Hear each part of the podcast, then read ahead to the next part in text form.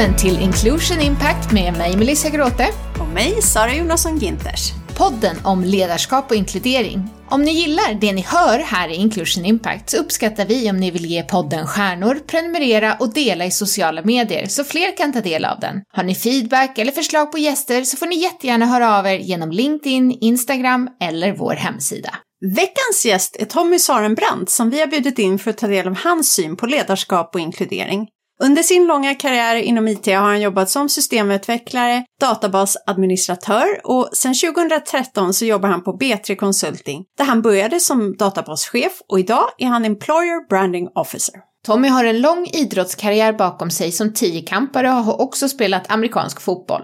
Hans ledarskap har inspirerats mycket från den tiden, bland annat synen att alla spelare på planen har en viktig roll för att laget ska lyckas, precis som i en arbetsgrupp. Tommy lyfter fram vikten av att använda hjärtat och visa uppskattning som ledare. Det här gör han konkret genom ett genuint personligt engagemang i sina medarbetare. Intresset av att verkligen lära känna människor berättar Tommy att han har haft sedan ung ålder. Tommy delar med sig hur han under de senaste åren har lärt sig mer om jämställdhet och inkludering och genom det kommit till insikt om vikten av olika perspektiv och privilegier. Idag försöker Tommy lyssna på ett annat sätt just för att bredda sin förståelse av andras perspektiv. Ni kommer också få ta del av Tommys hemliga dröm att bli skådespelare. Något han redan testat på, men inte riktigt med det resultat som han har önskat. Nu hälsar vi dig välkommen till ett öppet och personligt samtal med Tommy, som är en perfekt gäst i veckans avsnitt av Inclusion Impact.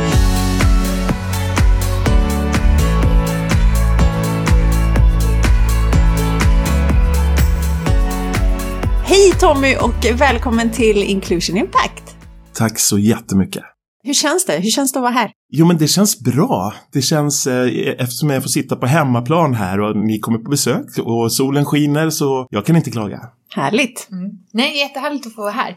Skulle du kunna börja med att berätta lite mer om din bakgrund och eh, fram till vad du, vad du gör idag för någonting? Ja, jag är en före detta idrottsman som var på collegestudier i USA på 90 början av 90-talet. Och eh, där studerade jag två stycken examens samtidigt som jag friidrottade på skolan. Och det här gjorde att jag fick känna på ledarskap för första gången för jag blev så här team captain redan mitt andra år då på skolan. Så det var en kul erfarenhet att få leda ett, eh, ett team på 80 personer och då i, på ett, inom ett område som jag verkligen behärskade då, som är friidrott. Så det är tio kamp som jag har hållit på med alla år. Och när jag kom hem till Sverige sen i slutet av 90-talet så fick ju alla som kunde IT jobb. Och jag hade då en examen inom IT och en inom internationell marknadsföring. Så jag fick jobb direkt och hamnade som systemutvecklare på ett litet bolag i Veddesta industriområde. Det var så det blev. Och det tog en liten stund innan jag förstod att systemutveckling är inte riktigt min grej. Jag, jag var ganska bra i matte i skolan så jag tänkte att det kunde vara min grej men det var alldeles för, lite för ensamt och lite för, för lite interaktion med människor. Så jag hoppade istället på ett jobb på SAS-data där jag fick jobba med, alltså för flygbolaget. Och det var min kusin Magnus som tipsade om mig där, så då fick jag jobb och han hade berättat hur härligt det var med alla flygbiljetter. Och då tänkte jag, kan man då kombinera jobb och resor runt om så är det ju helt otroligt att få upptäcka världen. Så det blev åtta år på SAS. Väldigt, väldigt uppskattade år. Och eh, väldigt bra ledarskap där i hela organisationen, också väldigt inkluderande på alla sätt. Trivdes jättebra. Min roll på B3 idag är att jag är Employer Branding Officer. Så jag är, har fått den äran att ansvara för vårt varumärke och vårt EVP på bolaget. Alltså Employee Value Proposition. Det här är ju jättespännande saker att få jobba med och, och det är egentligen så här hur, hur upplever människor där ute oss, vårt varumärke, vad står det för? Och det står ju för tre saker, våra värdeord på bolaget och ett värdeord är olikheter, det andra är energi och det tredje är erfarenhet. Det är de sakerna som vi bottnar, all vår kommunikation, allt vi gör bottnar i de här tre sakerna. Spännande. Tommy, vad ger dig mest energi på jobbet? Oj, det är en bra fråga. Jag får ju väldigt mycket energi av att träffa människor. Och mest energi, det får jag när vi ska göra kul grejer tillsammans. Om vi har ett event eller om vi ska på en resa tillsammans. Eller vi står för en gemensam utmaning på något sätt. Då är jag i mitt esse. Då, då, har jag, då, då får jag otroligt mycket energi. Vad har varit din höjdpunkt hittills den här veckan? Ja, men det, det vet jag faktiskt. Det var, jag blev eh, kontaktad av en person som söker jobb hos oss som hörde av sig från en eh, konkurrent i branschen. Och eh, det är en hett eftertraktad kompetens som vi verkligen behöver. Och det var en hon och hon ringde till mig och berättade att hon hade hört och sett så mycket om vårt bolag genom åren och att hon nu äntligen lyfte luren och hörde av sig och eh, vill börja hos oss. Då. Och det, det kändes så kul att hon då har följt oss under en lång period och, och känt att det här är ett ställe jag vill jobba på. För det är ju en otroligt konkurrensutsatt bransch som vi är i. Verkligen. Och om du fick möjlighet att lära dig vad som helst, finns det någonting som du inte kan idag som du verkligen skulle vilja lära dig eller om du har något så här bubblande intresse? Ja, men nu är det, ska man väl svara inkludering då. Men det är klart, där kan man ju alltid, det är ju en färskvara, så där måste man ju alltid kontinuerligt eh, utbilda sig inom. Men om jag får välja, alltså, om jag skulle få byta bana helt och hållet så skulle jag gå raka vägen in i skådespeleriet. Aha! Jajamän. Berätta mer! Ja. Nej men jag har faktiskt eh, haft en liten tanke på att jag skulle bli skådespelare ett tag. Och eh, kört ganska många så här korta inhopp i lite olika tv-serier och gjort en del reklamfilmer. Och sen så kom då det jag trodde skulle bli genombrottet. Jag fick en huvudroll i en kortfilm och det här tycker min fru är otroligt roligt varje gång för att det, det blev väl inte riktigt som vi hade tänkt oss där. Men eh, då, helt plötsligt så från att jag har fått spela mig själv i, i allting tidigare, förutom när jag var polis i någon serie, så, så har det ändå varit jag själv och helt plötsligt så ska jag spela Jesus. I, i, i en kortfilm som skulle visas på SVT var det tänkt från början. Och det var en jättebra manusförfattare och det var, nej men det, det, här var ett genomarbetat arbete. Jag fick ett stort manus med otroligt mycket som jag skulle lära mig. Så jag gick hemma i källaren och tittade mig i spegeln och vi körde massor med repetitioner. Och ja, jag var borta från familjen ganska länge. Jag var nere inlåst i källaren och försökte bli den här Kristoffer då som skulle spela Jesus i, i den sista måltiden. Ehm, men nyfilmatiserat och som ett bolag, ett företag där jag då var chefen och var tvungen att säga upp halva bolaget. Att det var den scenen vi skulle spela in, men det var Jesus då. Och det gick ju så där kan man väl säga. Det, vi spelade in i, i alltså väldigt länge då och, och sen så visade det sig att efter inspelningen så blev det fel med ljudet och vi var undermåliga i vår insats, kanske framförallt jag då, hade inte alls gett ett trovärdigt intryck.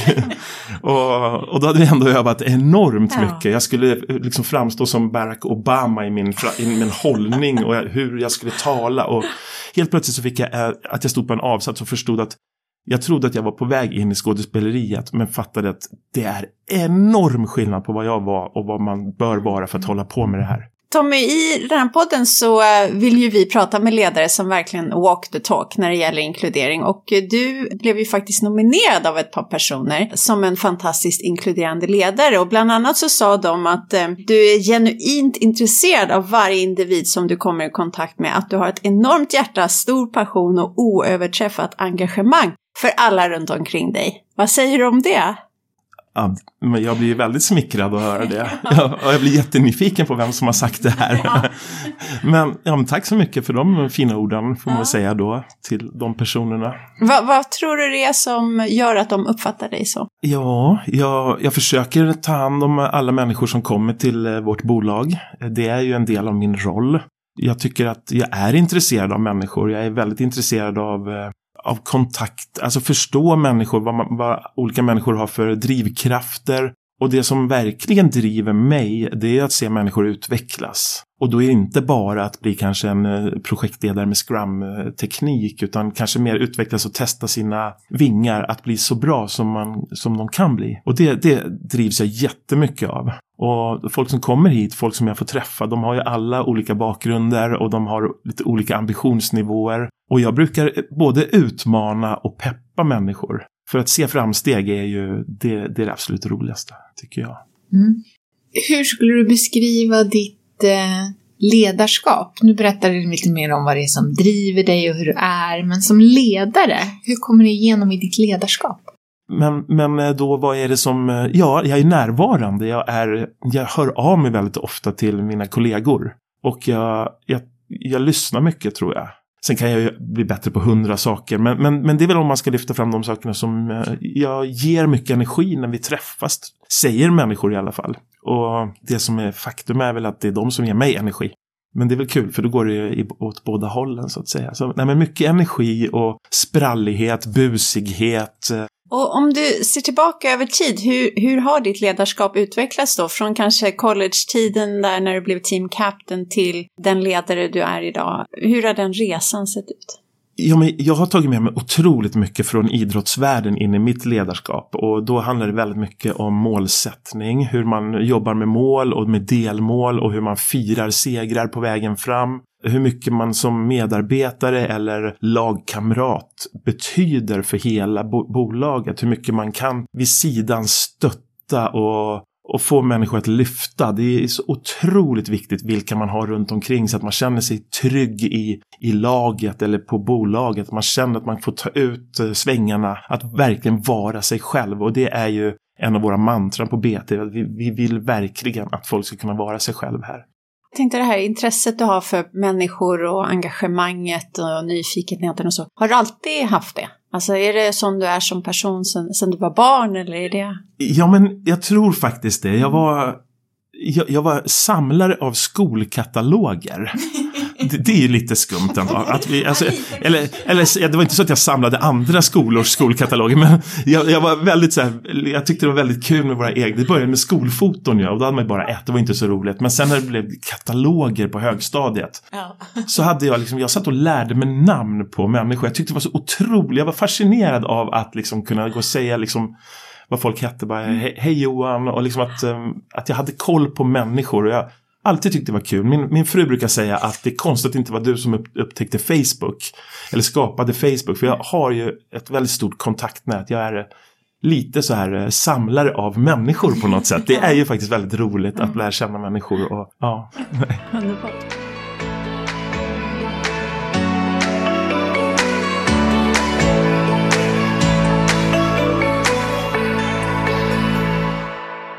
du tittar tillbaka, finns det någon speciell händelse som har haft väldigt stark påverkan på dig som ledare under din karriär? Ja, som ledare så när, man, när jag höll på med friidrott, nu kommer jag tillbaka till idrotten igen här, men då var, friidrott är ju en individuell sport där man är väldigt beroende av sig själv egentligen och sin tränare. Man har ganska många lagkamrater och så vidare men man mäts hela tiden på sitt eget resultat. När jag kom till USA så började man tävla som lag istället. Så man åkte iväg och då blev det varje persons insats blev så otroligt viktig. Och det där öppnade ögonen för mig på något sätt. Men det var ju fortfarande en individuell sport men man tävlade som lag. Sen när jag kom hem till Sverige så var jag så fascinerad av amerikanska kulturen så att jag, jag slutade med friidrott och började spela amerikansk fotboll istället. Och det är ju en väldigt mansdominerad sport. Men det kommer massa kvinnolag nu vilket är jätte, jätteroligt. Men då kommer jag ihåg att helt plötsligt så var man som individ väldigt, väldigt, eh, man var, alla var värdefulla men alla var exakt lika mycket värdefulla. Och man kunde inte komma någonstans som amerikansk fotbollsspelare om man bara hade sin egen vinning i, i åtanke. Så det fanns en playbook där det var exakt hur varje person skulle röra sig i varje spel. Och då fick jag träffa en ledare som heter coach eh, Thomas Andersson som var våran head coach i Arlanda Jets. Och han gjorde ett väldigt stort intryck på mig för att spela amerikansk fotboll är lite grann som att förbereda sig för en strid, för det gör ju ont. Och man ska ut och man ska kämpa i två till tre timmar där ute och det stod alltid en ambulans bredvid så man hade ju lite skräck i vad man skulle ge sig in i. Men hela den här, all, all taktik och att få människor att göra på ett visst sätt. Jag, jag, var så otroligt imponerad av hans eh, ledarskap. Hur han byggde in berättelser i allt och varför. Det fanns ett väldigt, han, han var väldigt noga med att bottna i varför vi gjorde olika saker. Så där kom det här varför. Varför gör man det? Varför ska jag blocka en spelare som ska vara mot quarterbacken? Och det här var väldigt, väldigt imponerande och inspirerande och väldigt, eh, jag tog med mig mycket från det, hans sätt att leda.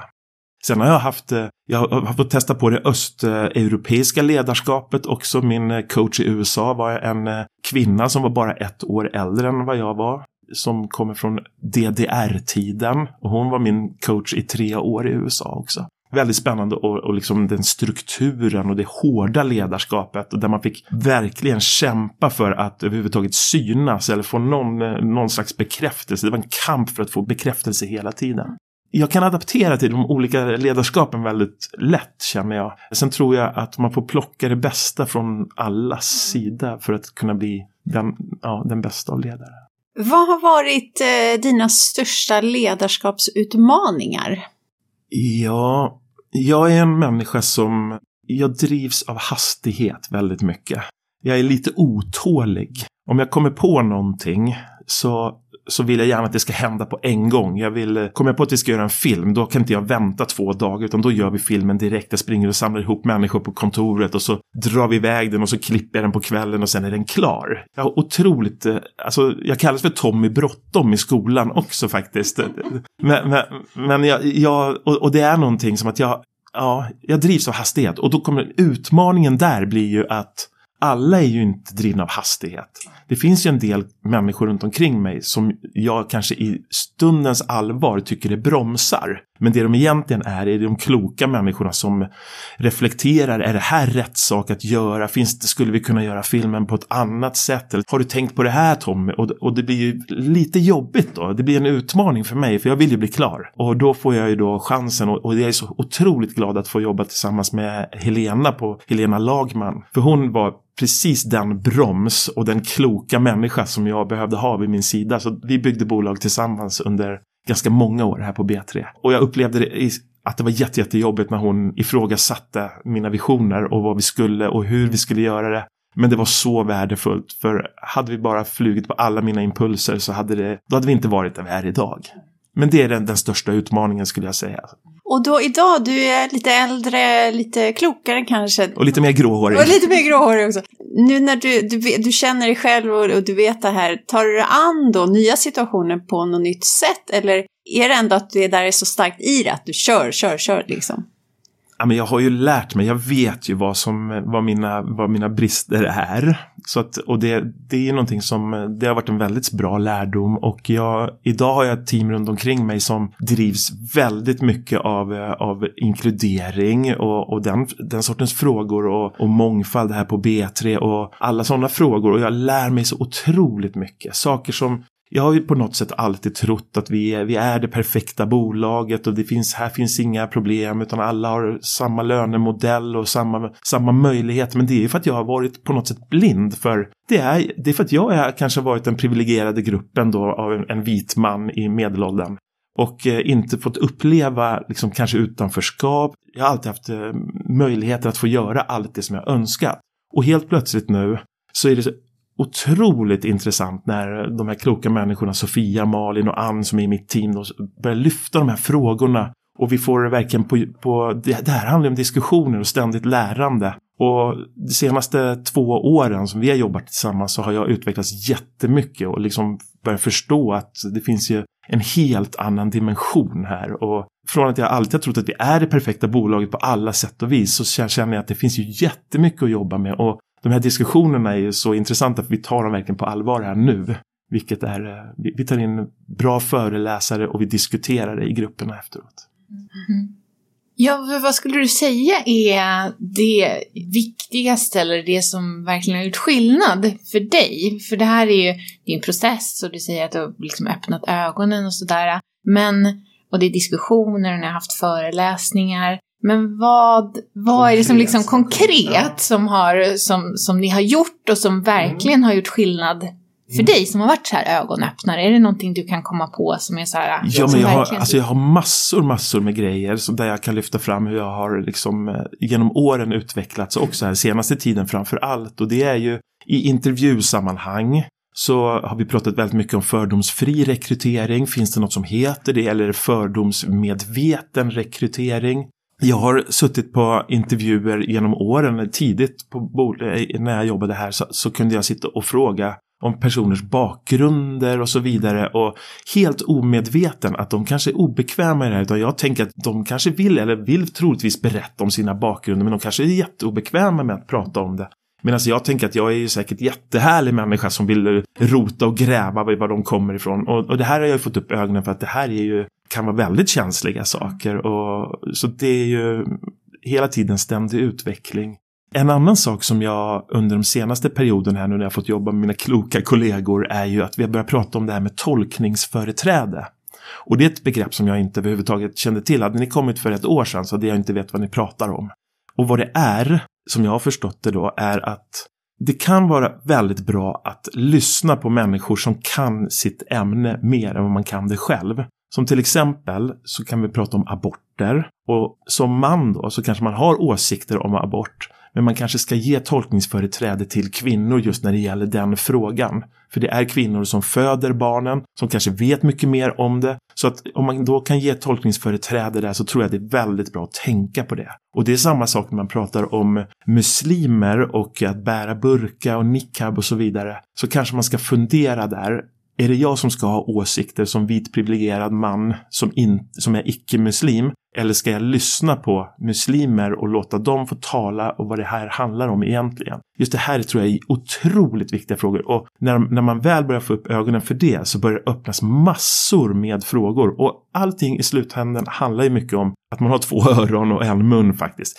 Lyssna mer, och, och lär dig. Se, se, till att du lär dig av alla de här sakerna istället. Lyssna på människor och deras eh, bakgrunder, kulturer och vad, hur, hur, man kan uppleva saker. Även om man tror att man eh, lever i, i en eh, icke-diskriminerande miljö så kanske det pågår saker som man inte märker och, och det kan man verkligen få fram om man lyssnar mer. Så viktigt också. Och, och det här som du var inne på för också, just medvetenheten till exempel i form av rekrytering, men också ju brett bara att, att lära, vilja lära sig och vilja lyssna. Det, vi gör ju så enkelt antaganden och förutsätter att vi vet utifrån våra åsikter som ofta formade ju av normer eller vad det nu må vara. Verkligen, verkligen. Har det varit svårt någon gång då? Just att då få upp ögonen för många av de här frågorna som du pratar om. Jag skulle säga att det är mer ögonöppnare, för helt plötsligt så börjar vi titta på vårt sätt att kommunicera på våran webb och på våra inbjudningar. Och så börjar vi titta så här, är det här människor som representerar oss? Är det här, är vi, känns vi som ett inkluderande bolag? Ska vi ha mer fler kvinnor? Ska vi ha mer fler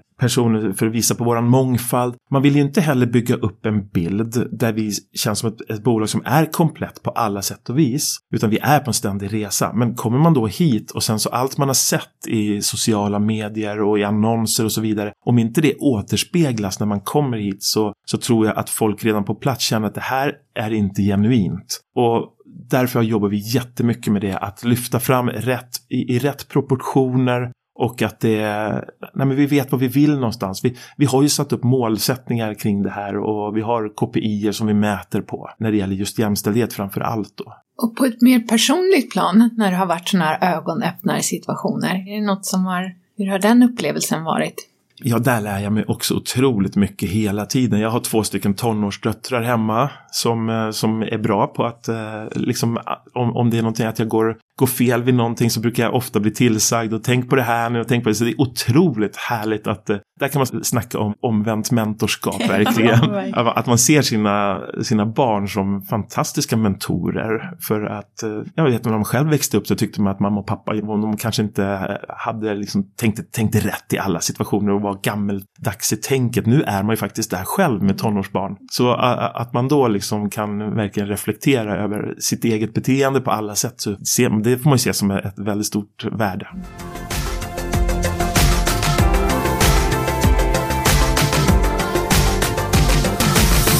Nu har vi kommit till våra tre snabba frågor med tre snabba svar. Vad är du stoltast över i ditt ledarskap? Nej, men jag, jag är mest stolt över att jag får människor att eh, utmana sig själva på olika sätt. Vad tycker du är svårast med att leda? Det kan vara svårt ibland att få människor motiverade. Det är svårt att plantera whyet. Det kan vara en utmaning ibland. Och viktigt att förstå att eh, varför kanske är olika för olika människor. Man tror att det ska vara samma why hos alla men här handlar det om att förstå människan innan så att man vet vad, hur man ska, vilka knappar man ska trycka på för att motivera någon. Finns det någon ledare som du inspireras av och i sådana fall varför? Jag inspireras av eh, vår HR-chef Ann Ek. Tycker hon är helt fantastisk på så många sätt. Hon verkligen lyfter ledarskapet på det här bolaget.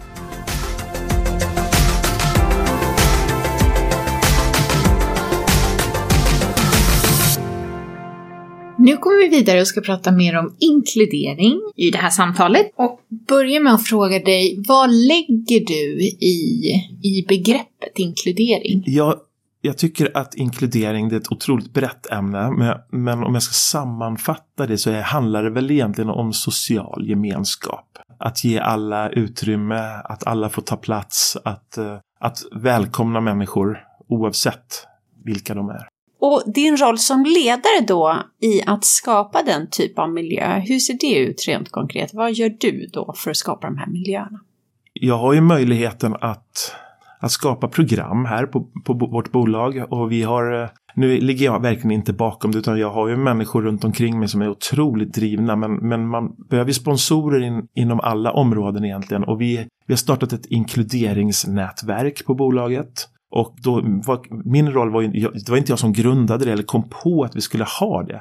Men jag kan komma in ändå som en, som en stark ledare i organisationen och verkligen trycka på att det här är viktiga saker. Och i och med att jag också jobbar med eh, sociala medier och hela våran branding så kan jag ju faktiskt eh, påverka genom att lyfta de här sakerna, hur viktigt vi på B3 tycker att de här sakerna är. Så där kommer väl mitt ledarskap in i att jag, ja, verkligen få andra människor att eh, liksom ta plats och, och lyfta viktiga frågor. Och, och, vi pratade ju om det lite innan det där just eh, att du ser människan, du är nyfiken på människor, du vill lära dig namnen på alla i skolan och sådär.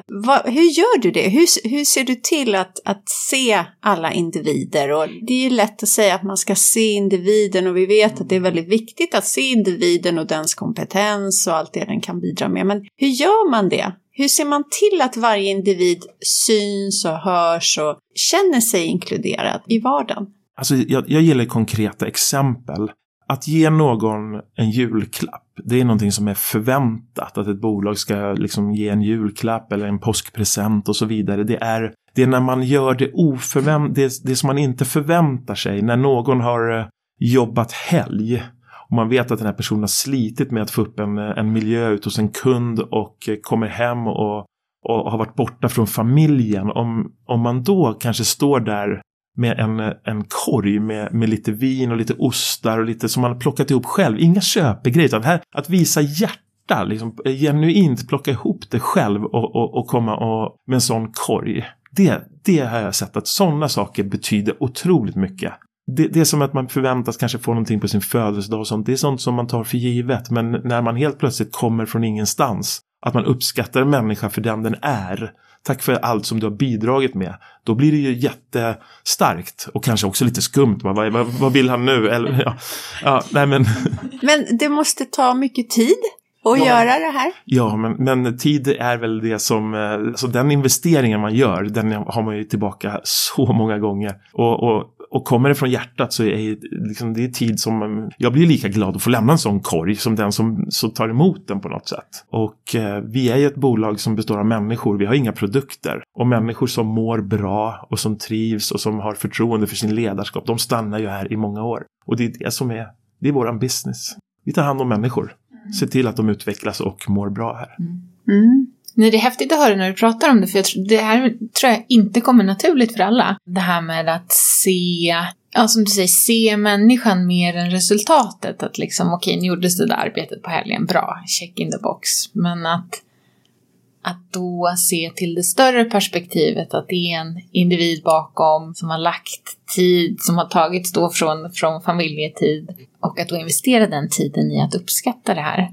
Nu är vi lite tillbaka till det som du har pratat om tidigare, här med att vidga sina perspektiv. Men kan du tänka dig vad du skulle kunna ge för tips till någon som det inte kommer naturligt för? Vad skulle man kunna göra för att bli mer medveten och intresserad av andra och man kanske mer ser till det resultatmässiga, liksom det affärsmässiga. Hur kan, man, hur kan man bredda sina perspektiv för att bli mer inkluderande på det här sättet? Ja, men jag tror att övning ger färdighet. Att kunna till exempel, om man, om man vill bli en sån ledare som ser, inkluderar och, och får människor att känna sig otroligt värdefulla. Då kan man ju faktiskt bara prova. Man kan bara gå till eh, något ställe och köpa ihop lite grejer och det behöver inte vara, det, det kanske är mer det, det, skrivna ordet som betyder någonting. Man kanske vill hylla någon i sociala medier helt plötsligt. Det är det här helt plötsliga. Om någon har jobbat helg, ja men då kanske man, då förstår man att det här var, det här var förknippat med en prestation och så tror man att jag måste prestera för att få kärlek. Och, och, och det är ganska många män, människor vana vid. Men att liksom få uppskattning för den man är, den är rätt spännande. Prova det. Gå, gå och, och, och köp någonting och skriv ett litet handskrivet brev till någon och, och, berätta att du är väldigt värdefull och det du gör, jag ser det och jag uppskattar det så mycket. Och se vad som händer.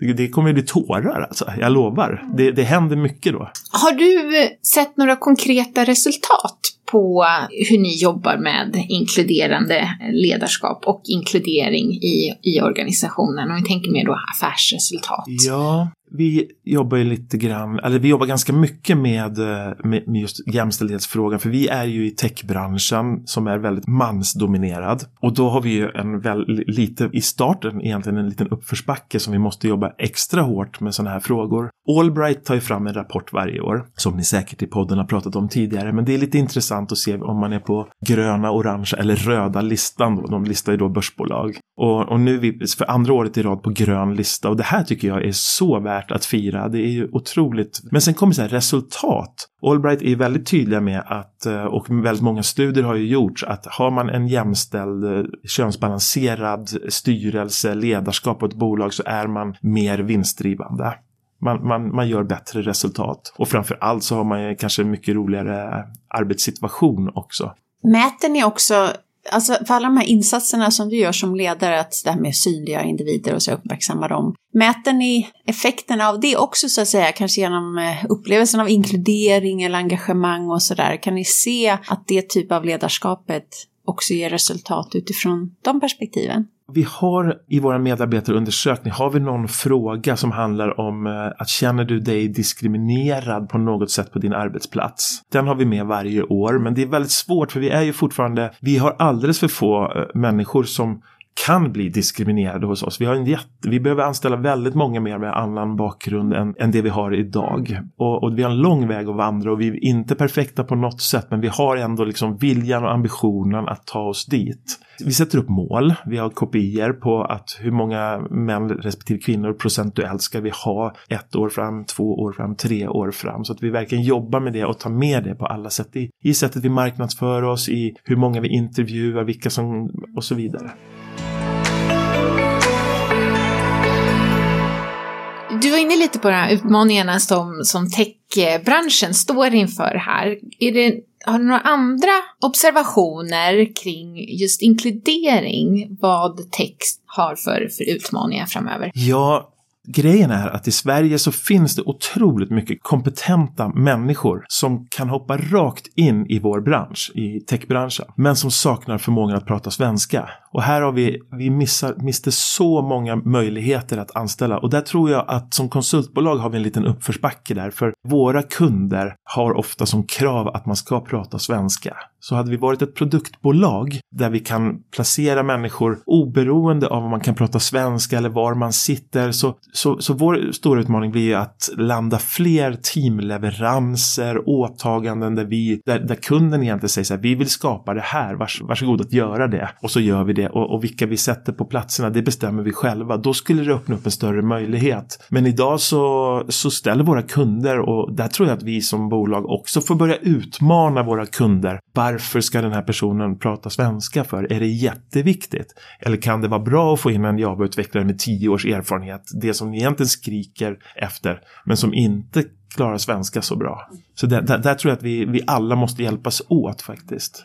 Finns det aspekter inom tech som gör inkludering enklare? Ja, vi går ju mer och mer mot automatisering idag. Och hela vår rekryteringsprocess är ju till stor del automatiserad också. Och de verktyg vi använder i rekrytering idag har möjlighet att till exempel maska bort namn så att man bara kan få fram en CV utan namn och vilka kompetenser, för det är ju det det handlar om egentligen. För vi, även om man säger att man inte har värderingar eller omedvetet diskriminerar så finns det nog ändå någonting hos alla som, som eh, som man då kan liksom komma ifrån just. Och där är det kul att vara i en bransch då där vi har de här möjligheterna att faktiskt kunna gå på kompetens och inte på, på någonting annat. Ja, det är verkligen spännande. Mm. Om du blickar framåt, har du någon omvärldsspaning eller framtidsspaning när det gäller just ledarskap och inkludering i techbranschen?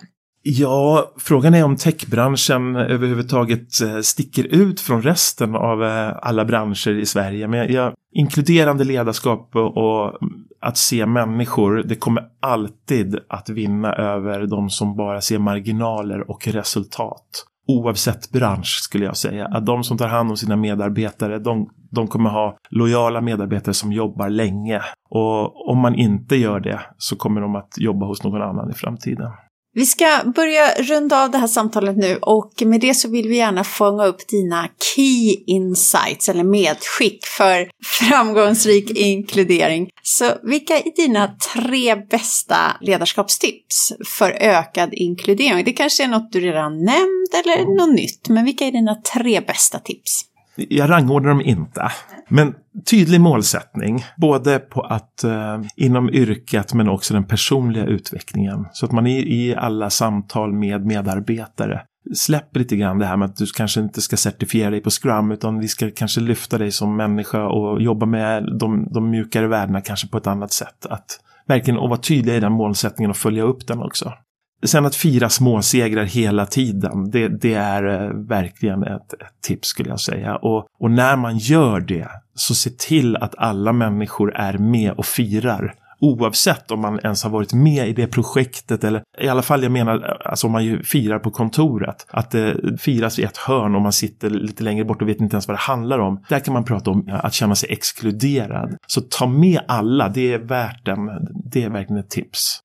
Viktigast är väl att lyssna på andra människor tycker jag. Att hela tiden försöka sätta sig in i andra situationer och ha tålamod och inte skjuta ner förslag och, och argument. Utan låt personen mittemot få prata till punkt.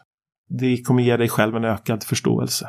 Fantastiskt. Tydlig målsättning, alla ska fira och lyssna med tålamod. Mm.